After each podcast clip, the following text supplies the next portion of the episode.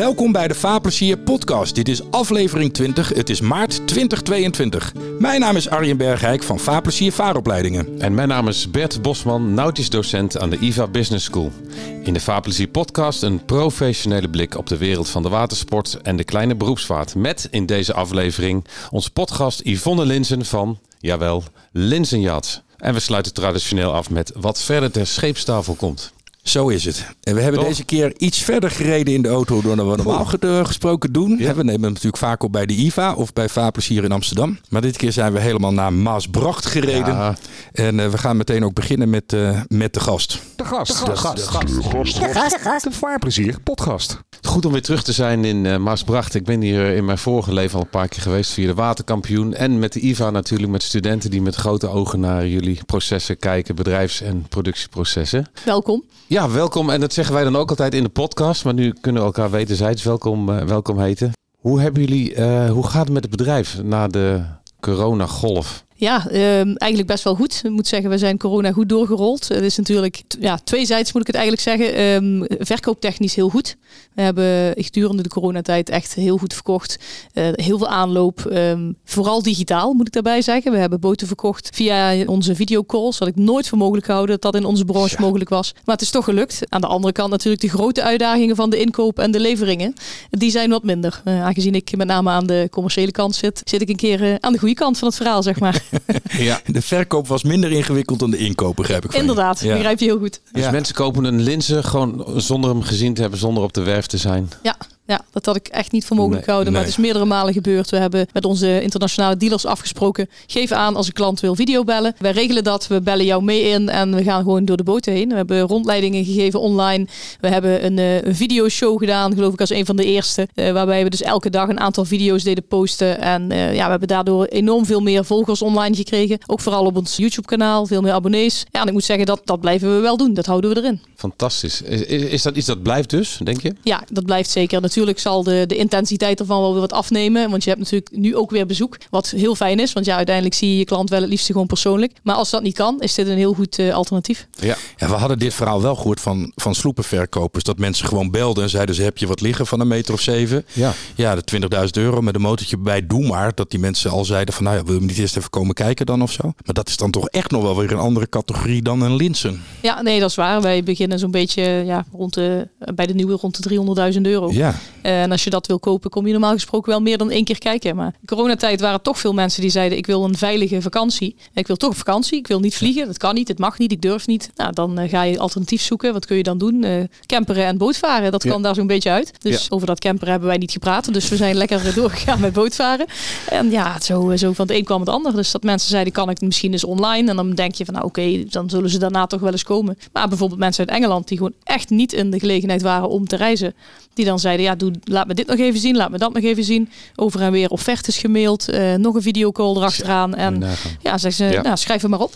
Ja, maar zoiets komt niet, niet uit de lucht vallen. Dat is natuurlijk ook de naam van Linzen, neem ik aan. Dat is, Ik ga ervan uit dat dat wel helpt. Ja, dat je hebt natuurlijk een track record. eh, je Ja. kan ook financieel nagetrokken worden. Ja, je kan ook allerlei zaken toesturen. Ja. Mensen natuurlijk wel helpt in hun besluitvorming. En zeker ook in het vertrouwen in, eh, in het merk. Ja. ja. Nou, daar gaan we het dus zo meteen uitgebreid over hebben. Want over Linsen als merk en als betrouwbaarheid is natuurlijk veel te zeggen. Maar we willen eens even beginnen bij jou. Want Yvonne Linsen, je achternaam doet natuurlijk al vermoeden dat je een familieband met Linsen Yachts hebt. Hoe ben jij in het bedrijf terechtgekomen? Want dat je een dochter bent van Jacques, dat weten we natuurlijk. Maar, Van Jos. Jos. Eh, Jos, Jos, sorry. ja. je, Ja. eh, dochter van Jos. Maar eh, was het voor jou duidelijk dat je het bedrijf inging? Ja, eigenlijk al heel jong. Eh, ik ben ook opgegroeid hier op het werfterrein. Eh, wij woonden waar nu een, eh, de collection hall staat. Dus zeg maar onze collection showroom. Daar stond ons huis. En destijds eh, moest de, de cascohal uitgebreid worden. En ja, toen moest het huis weg. Dus eh, ik ben echt hier opgegroeid. tot mijn twaalfde heb ik hier gewoond op het werfterrein. En toen stond jouw bedje in, in een loods? Of? Ja, ongeveer.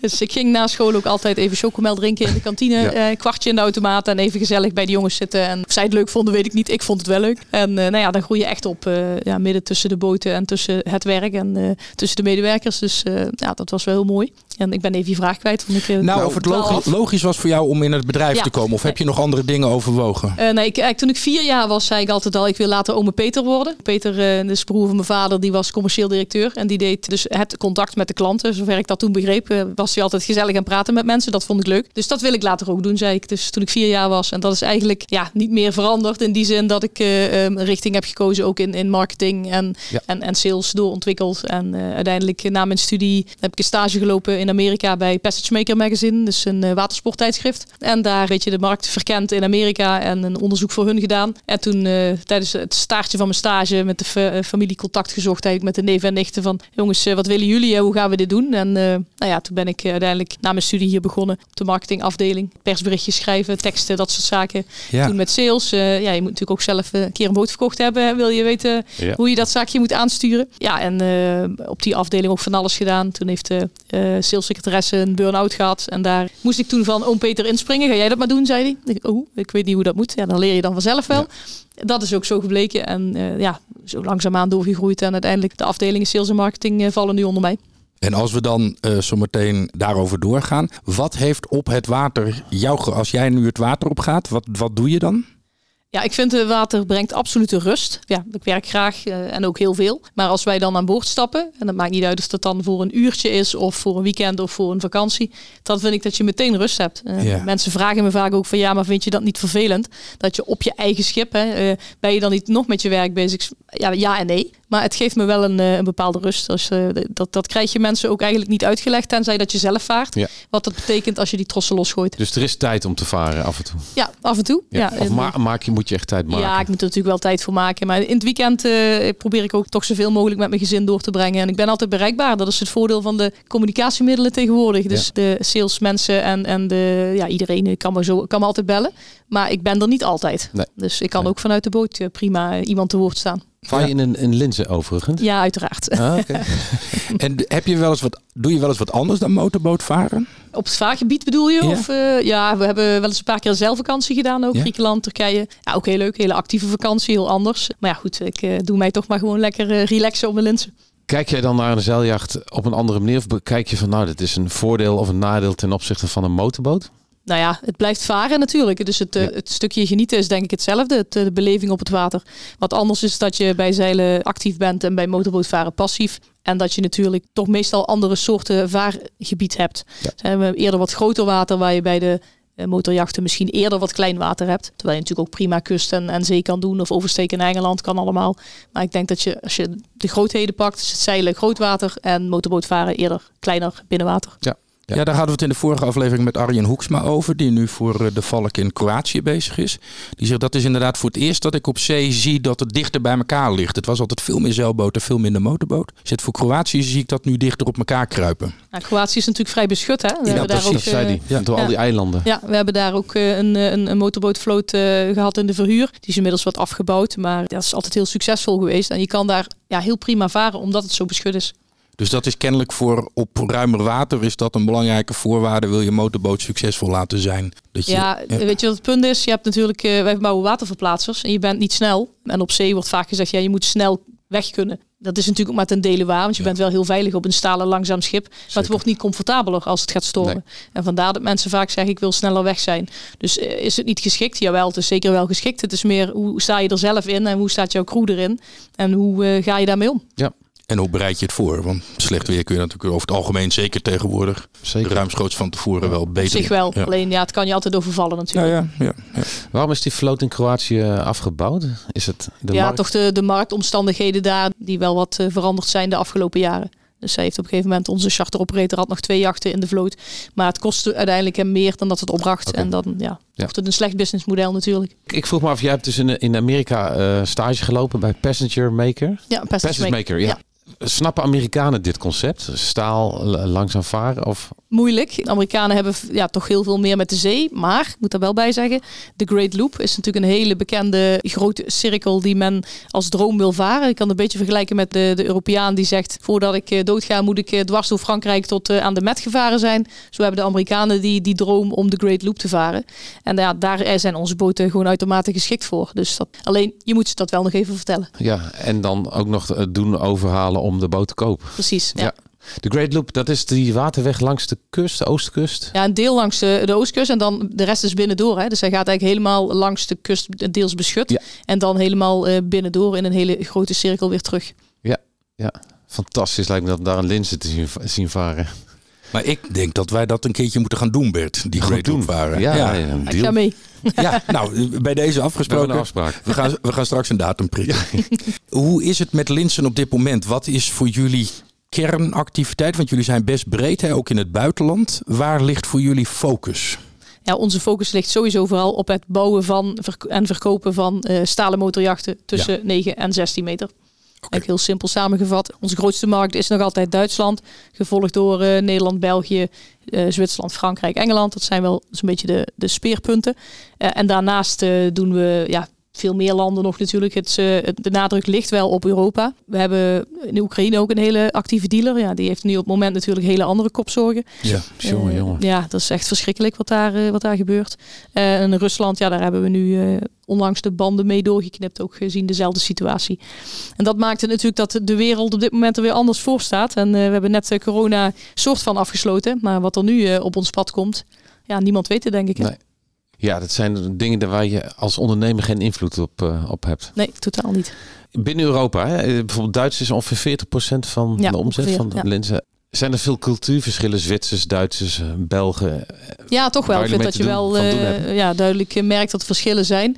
Je merkt wel dat we in al die landen die ik net noemde wel een positie hebben veroverd in de markt. Waar we wel echt bekend staan om eh, ja, solide kwaliteit, financieel sterk bedrijf waar je gewoon op kan vertrouwen. Ja, is dat wat bijvoorbeeld Duitsers heel erg zoeken, die, die, Ja. die, die betrouwbaarheid? Absoluut. Ja, dat geldt natuurlijk voor product, maar ook voor bedrijf. En ja, daarnaast is het natuurlijk een stuk emotie. Want je moet je wel thuis voelen bij het merk, bij Ja. het bedrijf en bij de mensen vooral. Ja, maar wat zoeken ze dan eh, aan zekerheid? Dus de, de- het schip zelf? Ja, het schip zelf. eh, ik, ja, onze bouwwijze is natuurlijk, hè, die, die Ja. lijnproductie zorgt voor eh, veel herhaling en dus ook voor een enorme kwaliteitsverbetering ten opzichte van one-off bouw. Eh, en daarnaast natuurlijk je Europese eh servicenetwerk. Dat je als je ergens anders bent, ja, ook geholpen kan worden op die locatie. Ja, we hadden een keer als nieuwtje in najaar volgens mij eh, dat jullie vijf nieuwe dependances, zeg maar, of ik weet niet hoe jullie dat benoemen, in Zwitserland, Ja, rond de meren. Klopt. Rond de meren, ja. Merk, om, om, om merkbestendigheid of, of servicepunten zijn dat ook. Is dat Ja. een netwerk van, heeft dat ook met die klantenbinding, die betrouwbaarheid te maken? Ja, onder andere. Zwitserland is altijd een hele goede markt voor ons geweest. Ehm, met eh, het, het, alleen het model, het verkoopmodel daar is gewoon aan het veranderen. Ze zijn heel erg servicegericht en wat minder salesgericht. Dus wij hebben ons model daar ook veranderd naar meerdere servicepartners toe. Dus iedereen kan van die servicepartners heeft een bepaalde regeling dat hij ook natuurlijk kan verkopen. Dat hij daar volledige medewerking en ondersteuning van de werf krijgt. Dan zetten wij een lokale of een contactpersoon hier zeg maar in contact met de verkoper of Ja. de servicepartij daar. En dan gaan we proberen samen die klant in een linsen te helpen. Je zou denken op vlakken gezien liever eh, sales dan service. Ja, voor ons natuurlijk absoluut wel. Maar, een kan uiteindelijk. niet los. Nee, het kan niet los van het andere Ja. en het versterkt elkaar zelfs. Want goede service leidt tot eh, sales.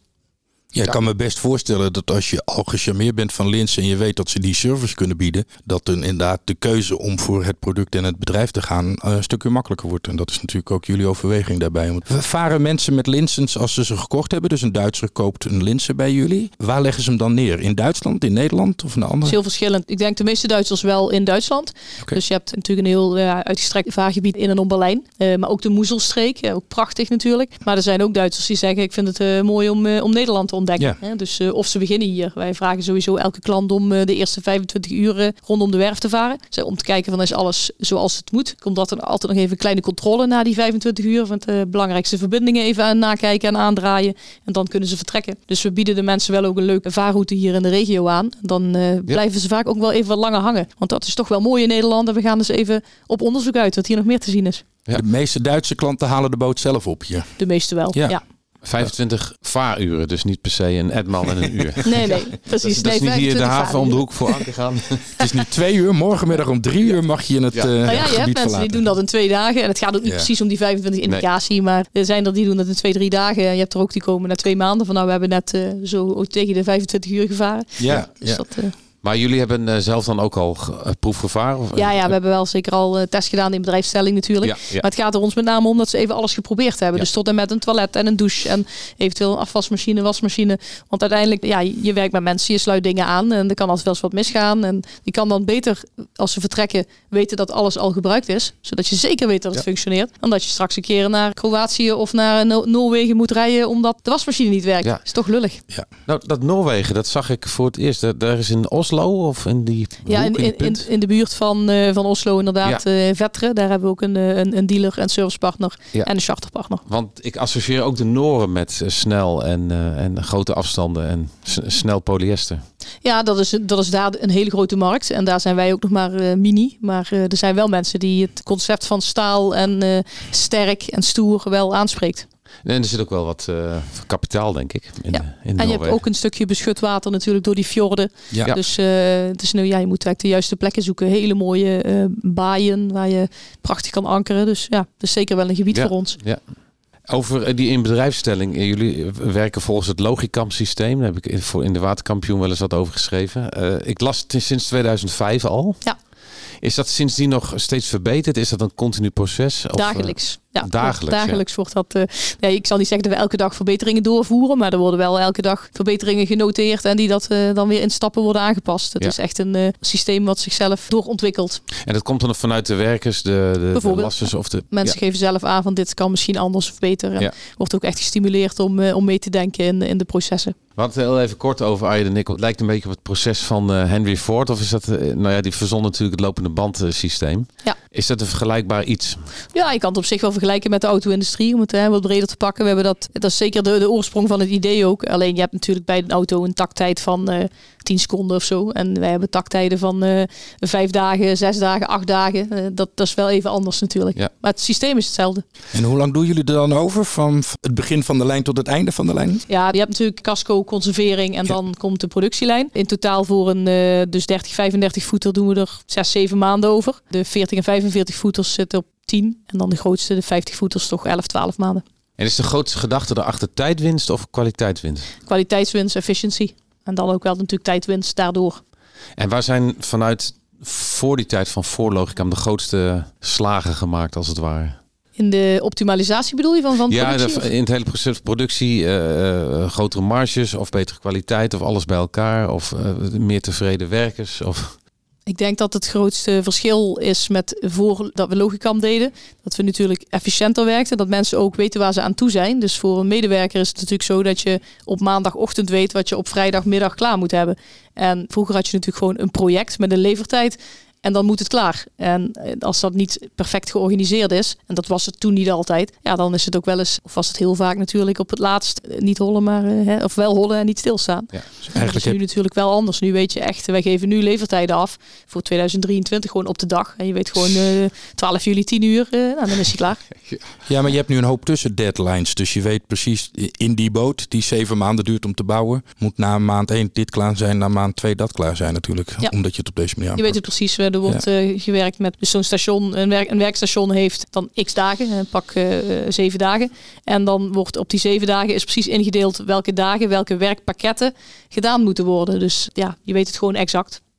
Ja, ik kan me voorstellen dat dat zowel voor organisatie als ook voor de medewerker die het moet uitvoeren gewoon een hoop houvast biedt. Ja, absoluut. Het grote nadeel in deze tijd is dat je dus eh, doordat de leverbetrouwbaarheid enorm terugloopt, Ja. dat je nu eh, twee mensen extra hebt lopen op het inbouwen van zaken die te laat zijn. Welke onderdelen of welke producten hebben jullie voornamelijk last van? Dat dat lastiger er Nou is ja, op dit moment is het bijna alles wel. Op elke, op elke discipline is er wel iets eh, wat te laat is. Hè? Van, van schroefjes en boutjes tot luikeringen en, en koelkasten en verwarmingssystemen en plotters. En, Ja, eigenlijk alles. Ja.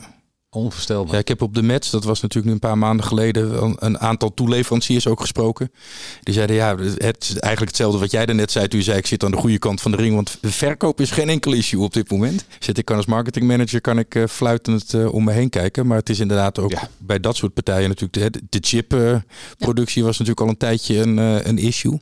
En eh, nu wordt natuurlijk ook de aanvoer van de grondstoffen wordt een beetje ingewikkeld. Maar leidt dat bij jullie ook al tot afleverproblemen? Dat je moet uitstellen? Of heb je dat Nee. nog weten te Nee, voorkomen? we hebben afgelopen jaar helemaal eh, geen enkele boot te laat geleverd. En ik denk dat we daar best uniek in zijn met Ja. 70 jachten die je aflevert. Plus 30 gebruikte, dus zeg maar 100 jachten die je levert. En eh, ook dit jaar tot nu toe.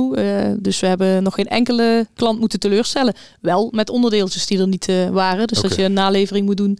Helaas, maar op dit moment nog geen eh, graverende onderdelen. Dat je zegt Nee. van ik kan niet gaan varen of zo. Ja, dat is knap werk. Nou, dat, Ja. is, dat is zeker de moeite waard. Dat ben ik helemaal met je eens. Groot compliment voor de inkoopafdeling. Want daar, eh, daar, ja, daar Ja. op dit moment zijn ze alleen nog maar aan het bellen. Bij Ja. deze. Hey Yvonne, we zitten hier in een ruimte en daar hangen hier prachtige foto's en bovenaanzichten van schepen. En dat gaat van de Grand Sturdy 30 AC, daar hangen er nog een paar links geloof ik, maar die zien we niet, tot hier de Grand Sturdy 45 sedan. Wat is de hardloper bij jullie? Toch nog steeds de Grand Sturdy 40.0 AC. De Grand Sturdy 40.0, die hangt daar. En eh, loopt die veel harder dan de vergelijkbare 40 voet sedan? Nee, de sedan heeft ook wel, eh, die loopt ook wel heel goed. Maar de, de AC is echt wel de, de hardloper. In die zin dat we altijd meer AC's dan sedans verkopen. Dus je hebt natuurlijk één slaapkamer meer, sedans de open kuipmodellen. Ja. En die, eh, die groeien wel zeker in, eh, in, in belangstelling en in populariteit. Maar de AC blijft meer verkopen. Dat komt natuurlijk ook omdat we een groot stuk ook aan charter verkopen. En daar verkoop je slaapkamer meer natuurlijk. Ja. Een hut achterin met een groot eh, dubbele kooi zie ik. Ja, dus, dus we hebben bij de 40 heb je eigenlijk drie cabines. Dus je hebt de, de master cabin achter. Daar heb je eigen toilet en douche. En voorin heb je een grote gastenruimte en een kleinere gastenruimte met twee enkele bedden. En die hebben dan samen nog een douche en een toilet. Dus het is wel, eh, ja, op 12,5 meter is dat wel een, Ja. eh, een enorme Ja, dat is een hele ruimte erbij inderdaad. Is dat, ja. is dat de ideale chartermaat, 40 voet? 35 en 40 loopt eigenlijk allebei heel goed in de Ja. charter bij ons. Ja. Wat is de verhouding tussen verkoop aan particulieren en aan chartermarkt? Ah, het is toch nog steeds veel meer particulier. Eh, Ja. we doen eh 25% ongeveer aan de charter. Maar op dit moment eh, ons, ons Linse Boating Holidays netwerk, dus het charternetwerk, heeft 105 boten dit jaar. Dus het zijn er wel echt enorm veel in Ja. Europa. Ja. Yvonne, je zei net 70 nieuwe boten en 30 gebruikte boten. Ongeveer, ja. K- Komen de gebruikte boten veelal terug naar de werf? Of, ja. is wisselend. Er zijn ook dealers die zelf inruilen. Die zeggen, nou, ik wil ook graag gebruikt handel hebben. Wij ruilen ook zelf in. En je hebt natuurlijk een stukje bemiddeling. Maar op dit moment is dat allemaal bijna niet aan de orde. Want schaarste is er op de gebruiktmarkt. Eh, Alles wordt verkocht voordat het überhaupt te zien is. Ja, en die gebruikte boten die terugkomen, die worden helemaal overhaald? Of, of niet per definitie? Of... Jawel, wij doen altijd een refit. We vinden dat de boten hier eh, ja, de showroom moeten verlaten zoals in de staat dat wij willen dat ze, dat ze weggaan. Die worden altijd volledig opgeknapt eh, en dan weer te koop aangeboden. Voor eh, een relatief hoog bedrag ten opzichte van de nieuwwaarde? Ja, onze wederverkoopwaarden zijn best wel hoog. Dus eh, we hebben wat onderzoeken laten doen door, door uh, Ernst Young. EY moet je tegenwoordig zeggen. Ja. Die eh, hebben dat eh, een tijd geleden voor ons eens onderzocht. En eh, onze wederverkoopwaarde zit toch op, op ongeveer 70% nog. Na zeg maar 5 tot 7 jaar is dat nog steeds de waarde van de jachten. Ja, en op dit moment is het zelfs nog hoger. Maar goed, dat is natuurlijk een, een, een uitzondering in de tijd. Ik denk als je terugkijkt over de laatste 20, 25 jaar is dat heel stabiel rond die 70, 65, 70 procent. Afhankelijk van het model. En daar zitten we in de stalen jachtbouw wel bovenaan. Ja. Over de range, hè? van 30 tot 45 is de grootste? Of Nee, dat is, eh, 50? in, in deze serie is dat de grootste is nu eh, is 55 voet. Is dat de Vario top? Klopt, ja, de variotop. Dus de, op dit moment de 500 eh variotop. En we zijn nu bezig met een eh, 55 SL variotop. Die zullen we straks hopelijk op de Heerswater Water in september, als die wel een keer doorgaat, zullen we hem daar presenteren. SL met de donkere raampartijen. Ja, met inderdaad met de don- donkere striping. Waar, En- waar staat SL voor? Even voor mijn... eh, Sports, sports luxury. Dus een beetje luxury. moderner. Eh, voor, ja, voor Linsen heel modern. Voor de gemiddelde boot is het een stukje moderner. Juist. En, en waar uitzicht dat dan in? Ja, bijvoorbeeld in het kleurenschema buitenom, maar ook eh, gebruik van materialen, ook aan de binnenzijde. Niet noodzakelijkerwijs in de snelheid waarmee die vaart. Nee, helemaal niet. Nee. Nee. het blijft gewoon een, eh, Ja. een echte Linse, gewoon een waterverplaatser. Want jullie eh, zijn er trots op, hè? Dat je niet vooruit loopt met allemaal eh, mode, modieuze fratsen. En, en... Ja, ik denk dat wij stabiel, tijdloos zijn en daarmee ook succesvol zijn. Ja. Nou, en er was een verandering in de motorisering ten dele met eh, eh, Mercury Marine. Ja, klopt. Ik, ik had een visioen van, eh van Linzen met hackdrives en, en V8 eh, benzinemotoren, maar dat is natuurlijk niet het geval. Nee, nee Mercury heeft een hele mooie diesel op de markt gebracht. Ja, en wij moesten sowieso naar een alternatief op zoek voor Volvo. Die dus met de D3-lijn eh, ging stoppen. Ja. En daar zijn we, hebben heel uitgebreid onderzoek gedaan op de markt, wat dat te krijgen was. En dat hebben we afgezet tegen onze wensen. Toen hebben we twee merken geselecteerd, waaronder Mercury. En hebben we tests mee gedaan met allebei de merken dus ook echt ingebouwd in een, in een charterboot. Die laten ja, heel veel laten lopen en ook echt allerlei tests gedaan door een onafhankelijk bedrijf metingen laten doen. En zelf natuurlijk een gevoel van ja, wat, wat vinden we beter lopen. Toen hebben we uiteindelijk voor de, voor de Mercury gekozen. Die hebben we toen ingebouwd nog in ons schip. En uh, daar zit hij nu nog in. Dus we hebben ook al een, een, heel aantal uren gevaren met de Mercury. Je bedoelt in, in jullie privéboot? Ja, privé, ja. privéboot. En daar hebben we van september tot, tot en met januari zijn er al uh, ja, ook al heel veel uitgebreide testen nog mee gedaan. Zodat we ook de mensen konden aangeven van wat, ja, wat de verschillen zijn. Ja. En wat was het onderscheid met het andere merk? Waarin scoorde dit beter? Tiller, minder brandstofverbruik, bijna geen trillingen eigenlijk. Nagenoeg geen trillingen. dat zijn wel relevante onderwerpen Absoluut. ook. Ja, ja. Dus het was echt een, uh, het is een hele mooie motor. Dus, uh, en ten opzichte van de Volvo Penta D3? Ja, de Volvo Penta was natuurlijk ook al een ontzettend mooie motor. En uh, de Mercury scoort nog een klein beetje beter ook op die onderdelen. Okay. Dus dat, uh, dat is wel prettig. En, maar het is niet zo dat de Volvo uh, daardoor slechter of zo is. Helemaal niet. Het is ook een hele betrouwbare, goede motor. En we hadden de keuze ook helemaal niet gemaakt als we niet hem hadden moeten maken. Dus, Helder. Ja. ja. Even terug naar, ik zat te denken, zijn er opties, plannen om uh, elektrische, elektrisch aangedreven, hybride-achtige ja, die plannen liggen er zeker. Uh, maar ja, Linse zou Linse niet zijn om dat eerst goed uit te zoeken voordat we zoiets uh, op de markt gaan brengen. Ja. Daar lopen heel veel gesprekken, onderzoeken en op dat vlak. En er is natuurlijk ook heel veel in die markt te doen en te zien. je zegt al elektrisch, hybride. Nou ja, zo zijn er nog uh, een aantal mogelijkheden op dat vlak. En we zijn daar volop mee bezig. Ik hoop dat we ja, in de komende twee jaar daar wel iets iets verder mee gaan komen. Aha. Dus zijn dat onderzoeken alleen aan de technische kant of ook aan de klantenkant? Uh, nee, met, met, name aan de technische kant. Ja. Ik denk dat uh, de klantenkant niet zozeer het probleem zal zijn. Uh, tenminste, als het betaalbaarder wordt. Want dat is op dit moment natuurlijk ook een grote uitdaging. Dat je voor elke kilowatt nog steeds heel wat euro's moet neertellen. Ja, ja. En dat maakt het er niet beter op. In de auto-industrie is dat altijd goed gesubsidieerd geworden. En dan ga je gemakkelijker elektrisch rijden dan dat je elektrisch gaat varen als je daar 50.000 euro meer voor moet betalen. Ja. Dat gaat op dit moment denk ik niemand doen. En een ja, bijkomende uitdaging is de infrastructuur natuurlijk. Hè. Je kan nog nergens laden. Dus dat zal uh, meteen mee opgepakt moeten worden. Dus. Ja. Ja, en is de, de Zwitserse markt daar ook, uh, of kan me de wetgeving op die meren goed voorstellen, dat die strikt zijn? Ja, maar daar is dat, dat nee, in Zwitserland is dat op dit moment voor ons niet zozeer aan oh, de orde. Okay. Ik denk dat wij uh, eerder zullen starten hier met onze eigen regio, uh, waar je misschien ook nog enige invloed op de infrastructurele aspecten kan uitoefenen, om daar met gemeente en provincie mee aan de slag te gaan. Want ja, die zul je nodig hebben, wil je zoiets goed optuigen. Ja. ja, maar eigenlijk precies. En eigenlijk nog wel verder dan je eigen regio. Want een Tuurlijk, maar je moet ergens beginnen. Nee, mee eens. Maar je zult echt ook wel naar het midden van het land moeten hier vandaan en dan een beetje door. Dus ja. dat moet je misschien ook inderdaad wel groter. Ik kan me dat voorstellen dat dat infrastructurele verhaal natuurlijk een hele belangrijke voorwaarde is voor een klant om het, uh, om het te gaan doen. Precies, als jij een, een boot koopt die, die elektrisch kan varen, uh, dan wil je wel ook kunnen laden. En ja. dat is nu op dit moment, uh, want zo'n boot bouwen, dat is geen probleem. Maar dat kun je nu al. Ik bedoel, dat kunnen wij ook. Dat kan, ik zou bijna zeggen, iedereen. Maar je hebt wel nog geen mogelijkheden ermee. En het zijn allemaal uh, systemen die ook nog niet in die zin doordacht zijn dat ze toekomst, misschien to, toekomstbestendig genoeg zijn. Het kan best een mooi systeem zijn nu, een elektrische boot. Maar ja, wat doe je ermee? Waar ga ja. je laden? Hoe, hoe doe je dat ja. vormgeven? Dus Waarschijnlijk niet met je 8 of 16 ampère walstroom aansluiten. Nee, dan duurt het heel lang. Ja. nou ja, we hebben natuurlijk in uh, eind vorig jaar hebben we een serie over duurzaamheid gemaakt. En daarin onder andere met Marcel Schaap van de Stille Boot gesproken. En een paar andere partijen. Uh, en ook toen al in die serie geconcludeerd. Het is natuurlijk elektrisch varen op dit moment voornamelijk interessant voor boten die dagtochten maken. Ja. En s'avonds zeker weten dat ze op een bepaalde plek weer ja. liggen. Om, om, om dan aan de walstroom die daar goed geregeld is te liggen. Daar kan het prima bij. En dat ja. is ook zeker. En het, een stille boot is natuurlijk ook een goed voorbeeld van ja, die, die het wel gewoon uh, weten hoe het moet. En, zeker, en, en, en, waar het ook echt kan. Maar ja, je kan het in een linse prima bouwen, nogmaals. Ja, maar ja. ja. dan kom je een dagje ver en dan kun je dan uh, een paar dagen blijven liggen om te laden. Dat is natuurlijk niet nee. het idee.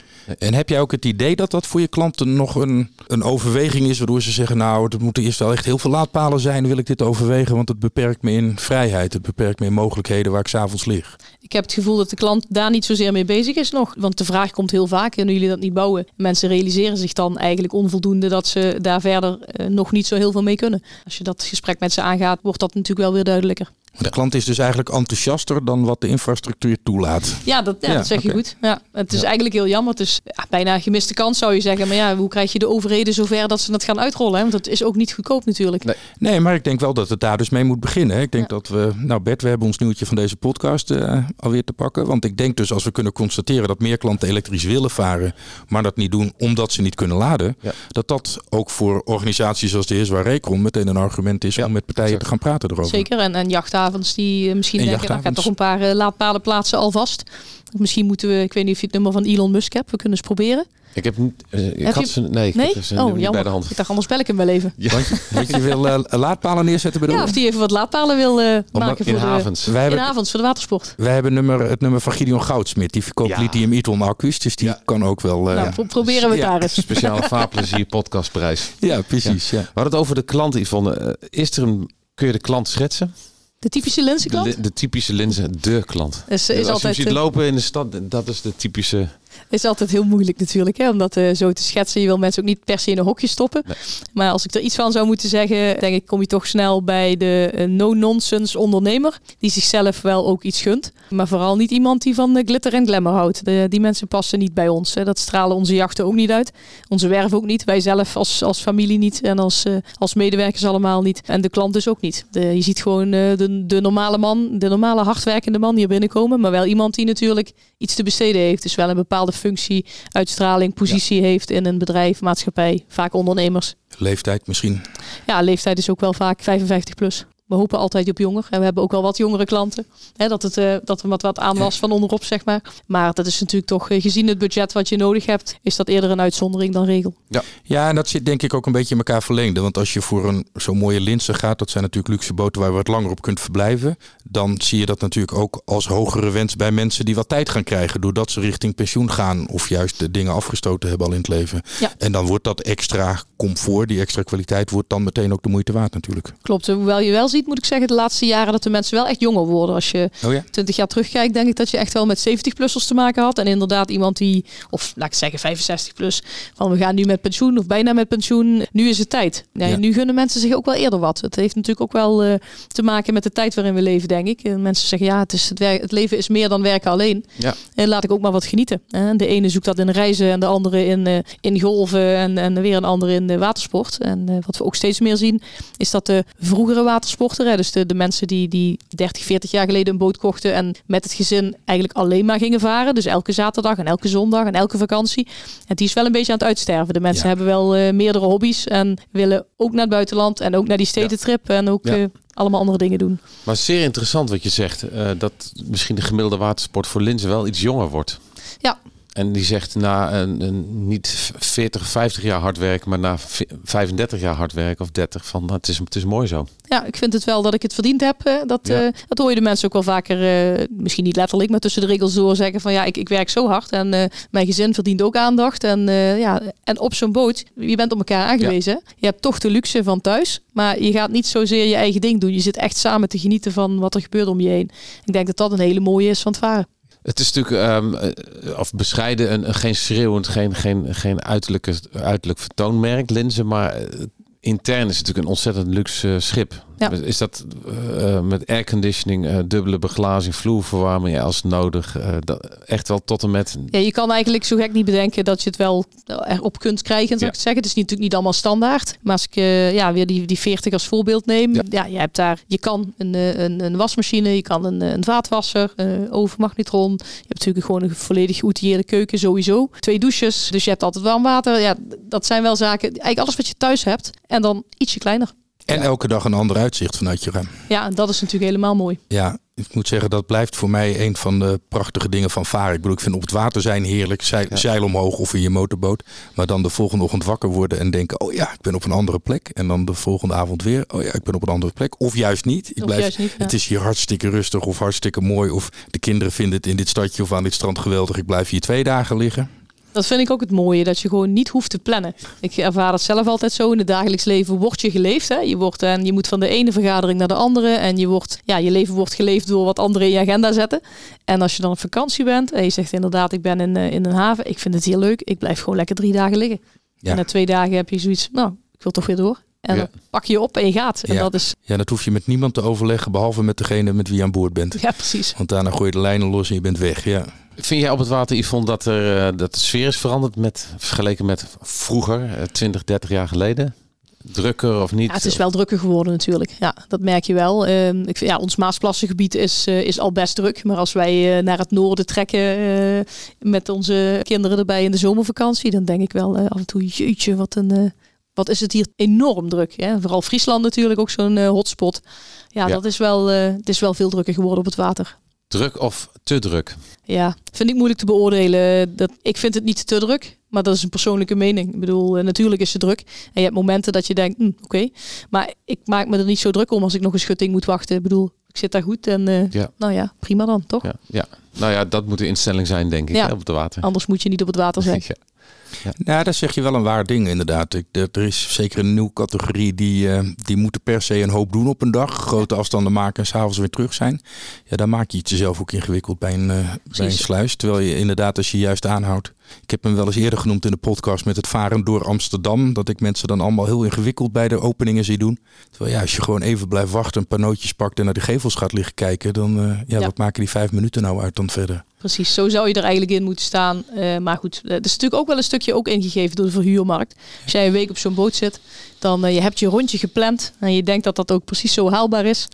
Ja, wat lastig. Wij plannen nooit een rondje. We zeggen altijd, we gaan in de richting van Sneek of we gaan in de richting Zeeland of we gaan in de richting Groene Hart. En voor de rest ga ik echt niet plannen. En als je Nee. ze- zeven dagen hebt, dan ga je na vier dagen draaien om ga je terug. Of na drie dagen. Ja, Ja, of uh, we laten hem liggen. We halen hem een andere keer op. Oh of, ja, uh, dat kan natuurlijk ook. Ja. Dat, uh, dat kan ook. Of we spreken met iemand anders af die een weekje vakantie heeft. Vaar de boot maar terug. Dat is natuurlijk ook een hele goede inderdaad, ja. Win-win, toch? Ja, Ja. Hey, ik besefte me dat het prachtige bedrijf waar we nu zijn en, en het product, dat het eigenlijk op, op ook voor hetzelfde niet had bestaan als Jacques Linsen senior, die zou boer worden. dat las ik, dat lag in de planning. Ja, hij is uh, wel uh, natuurlijk van oorsprong uit echt uh, timmerman. Dus hij, dat zat wel in de genen. Ja. En hij heeft uiteindelijk het vak geleerd bij een ondernemer hier in, in Maasbracht. En is toch uiteindelijk heeft hij toch het besluit genomen voor zichzelf te beginnen. En gelukkig ook maar, ja. Ja, ja. Dus anders... Hoe lang geleden is dat? 1949 is hij begonnen. We zagen in, uh, bij binnenkomst die, uh, die werkbanken die jullie als tafel hebben, zagen we in de krant liggen. Bekendmaking tot, uh, wat was het? In de gebruiknaam of in Nieuw bedrijfs, nieuwe Ja. bedrijfsstelling? ja, in bedrijfstelling, dat Ja, was hem, ja. ja, van het bedrijf. Ja. Ja, mooi hè? Ja, heel eh, mooi. Ja. Ja, 1949 is ook een mooie Hij tijd. heeft altijd grote stuurhuizen gemaakt, roeven voor, uh, voor Ja. de binnenvaart. Ja, En, Tiekhout, dik, dik ja. Tiekhout. Ja, ook. En ja, en, uh, wat dat betreft, uh, uiteindelijk in de, in de stuurwielen is hij eigenlijk wel groot geworden. Dus een uh, patentconstructie, uh, patent op de constructie uh, ontwikkeld. Dan heeft hij wereldwijd stuurwielen verkocht. En uiteindelijk uh, kleine bootjes, werkbootjes, flatjes. Ja, en dat wordt Mooi groter en groter.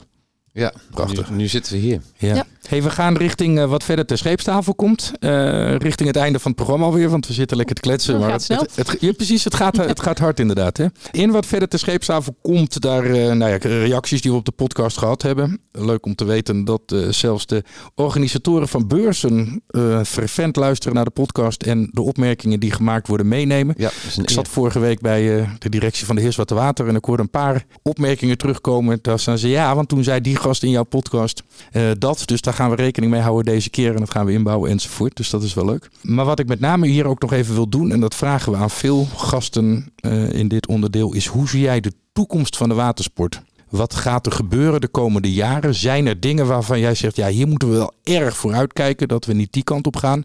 Of ik zie juist mogelijkheden aan die kant met z'n allen? Ja, ik denk dat we die net al best uitgebreid besproken hebben. De elektrisch varen is natuurlijk toch wel een dingetje. Okay. Dat gaat er ook komen. Maar wanneer en in welke vorm en in welke omvang, dat is natuurlijk nog niet duidelijk. Uh, maar Amsterdam wil natuurlijk, bij, ik geloof per 2030, of wat is nu de... Nee, volgens mij al eerder. eerder, is eerder? Ja, officieel is het 2025. Dan is in elk geval de hele rondvaartvloot elektrisch. Dat Ja. is een, een langlopend convenant. De bedoeling is ook recreatievaart. Uh, maar daar komt dit jaar komt er een evaluatiemoment voor. Daarvan is inmiddels wel duidelijk dat dat niet haalbaar is. Nee, ik meen dat ik daar eigenlijk 2030 heb gelezen, maar ik kan me vergissen. Ja, 2030 is een, is een, is een landelijke richtlijn. Dan zullen er op een hoop plekken in het land ook... eh, Maar dat is niet meer zo lang, hè? nee, Dus dat we Dat ons gaat dat realiseren. Dus ik denk dat dat wel het speerpunt is voor de toekomst. Zeker ook voor ons als waterverplaatser. Ik bedoel, dat is natuurlijk veel makkelijker aanhaken op zoiets dan dat je zegt van nou, we gaan ineens snel varen. Of we gaan, weet ik veel, eh, strijkijzers bouwen. Dat gaan we maar niet doen. nee.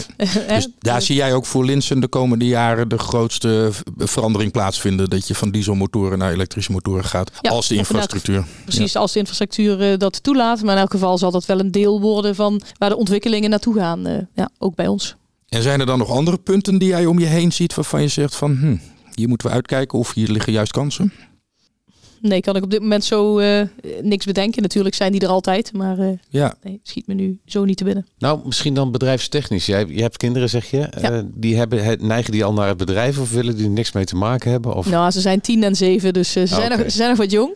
Maar nee, ze vinden het allebei wel allebei leuk en interessant. Maar, Ja. maar jij wist al dat je het bedrijf ging toen je vier was. Ja, dat dus klopt. eigenlijk zouden ze Dat is drie en zes dat jaar moeten weten. Maar ja, wij wonen niet op het bedrijfsterrein. Ik denk Oh, dat ook wel een verschil is natuurlijk. Ja, Ja, die dat drinken geen chocolade, of niet zo vaak chocolademelk. Precies, dus dat is wel een verschil. Maar ja, weet je, dat, eh, nee, daar ben ik echt nog niet mee bezig. Eh, natuurlijk is dat altijd leuk en je bent een familiebedrijf en het is leuk als je dat kan blijven. Eh, maar goed, kinderen moeten het zelf willen. Ik heb natuurlijk ook nog een, een neef en een nichtje ook in de zaak zitten. Ja. Die hebben ook kinderen. Dus nou, dat zijn weer uitdagingen. Generatie nummer vier. Ja, zijn altijd zijn weer andere uitdagingen. En natuurlijk juichen we dat toe, maar ieder moet vooral zelf zijn keuzes maken. Maar merk je er iets van bij? Ze vinden ze watersport gaaf? Of Ja, merk dat je... wel. Ja, dat eh vadertje, dus zeker onze oudste, die is tien. Die vaart eh, nu al heel graag. Vindt hij echt gewel- geweldig. Dat is, eh, ja, dan vraagt al steeds van, dan gaan we weer. We hebben nu in de, we hebben in de winter gevaren. We zijn eh, met eh, kerstvakantie eh, Oh, voor het eerst gevaren op 1 januari. Had ik nog nooit gedaan. Heel leuk, moet ik zeggen. Ja. En dat eh, kinderen vonden het ook prachtig. Dus heel anders. Maar eh, ja, weet je, dat gaat op een boot gewoon, hè, als, als de onze. Ja. Dat, eh, met dat comfort. Prachtig, en ja. dat, eh, ja. ja, en dan is het rustiger op het ja, dan is het heel nog, rustig. Nog. Natuurlijk ook weinig faciliteiten. Je moet goed eh, plannen met je water. Ja. Maar voor de rest eh, is, dat een, is dat een hele mooie invulling. Ja. Ja. Dus nee, ze hebben wel affiniteit in die zin ermee. Ja. Ja, oké. Nou ja, dan is het dus nog een paar jaar wachten om te kijken of zij eh, net zo determined zijn als jij was op die leeftijd Ja. om het, om het Ja. bedrijf in te willen. krijgen nog Ja. de puberfase natuurlijk. Ja, die Ja. komt eerst nog, dus ik ben Ja. benieuwd. Ik hoorde laatst iemand zeggen, ik zit even te bedenken wie dat was, maar het was ook, ik zeg ja, ze vinden watersport fantastisch met kinderen, maar ze vinden dat ook leuk en dat ook leuk Ja. en dat ook leuk. Ja. En dat is iets wat je wel, het is wel de jeugd van tegenwoordig heeft natuurlijk zo ontzettend veel mogelijkheden om dingen te doen. Ja, en het Ja. scherm, hè? En het scherm, Ja. precies. Nou, dat is wat ik net ook zei, om, om, om veel dingen doen wat, wat, wat je ook terugziet bij de klant van tegenwoordig. Ja. Hè? Dat is niet meer zoals vroeger. Dus ik denk dat dat, ja, dat zal zeker ook zijn bij, bij eh, volgende generaties, bedrijfsopvolgingen. Ja. De, de, de jeugd van tegenwoordig, wat je hoort, wil eh, liever ook eh, vier dan vijf dagen werken. Ja. Hè, dat, is, ja, dat kunnen wij ons eigenlijk al bijna niet voorstellen dat dat gewoon zo is. En laat staan mijn ouders of verder terug, Nee. die werkten gewoon nog zeven dagen. Ja, dat is wel een ontwikkeling die we natuurlijk Ja. ingaan. Nou ja, we zijn benieuwd. Ik denk dat we dan over een aantal jaren terug moeten komen om te kijken hoe de leiding van Linsen er dan uitziet en Ja. wat, wat jullie plannen zijn op dat gebied. Zeker. Mooi. Nou, dan gaan we ook richting de afronding Ja. van de podcast. Yvonne, dankjewel voor eh, de openhartigheid en ontvangst hier. We kunnen iedereen aanraden om zich eens te verdiepen in Linsen. Het is een prachtig bedrijf. Niet alleen met ontzettend mooie boten, maar juist ook het verhaal erachter. Waar we een deel over gehoord hebben met het productieproces. Daar komen we graag nog een keertje terug. Zeker tegen de tijd dat er elektrische eh, Linsens zijn. Ja, want dan zeker. willen we natuurlijk ook graag weten in het kader van de updates die we doen. Waar jullie dan tegen aangelopen zijn. Want wij hebben veel informatie over elektrisch. Maar dat is dus dan altijd veel de, de veel kleinere boten. Ja. En dat andere gedeelte is natuurlijk wel super, eh, super interessant om te onthouden. Nou ja, dank voor jullie komst. En Ja. eh, ook eh, altijd welkom. En dat geldt ook voor Ja. de luisteraars. Altijd welkom om eens te komen kijken. Nou ja, en voor mijn eh, nautische IVA-studenten. Wij komen Ja. eh, Ja, binnenkort hier ook. kijken. Ja. En dan kunnen ze zien hoe een slim bedrijf in elkaar zit. Ja, Ja, Dankjewel. altijd ook mooi wel- bezoeken. Nou, tot zover deze Vaarplezier podcast. U kunt hem natuurlijk beluisteren in uw eigen podcast player of via vaarplezier.nl slash podcast. Ja, en bij vragen, suggesties, opmerkingen, eh, mail ons op podcast.vaarplezier.nl. En tot zover deze podcast. Zijn naam is Bert Bosman. En zijn naam is Arjen Bergeijk. Tot de volgende Vaarplezier podcast.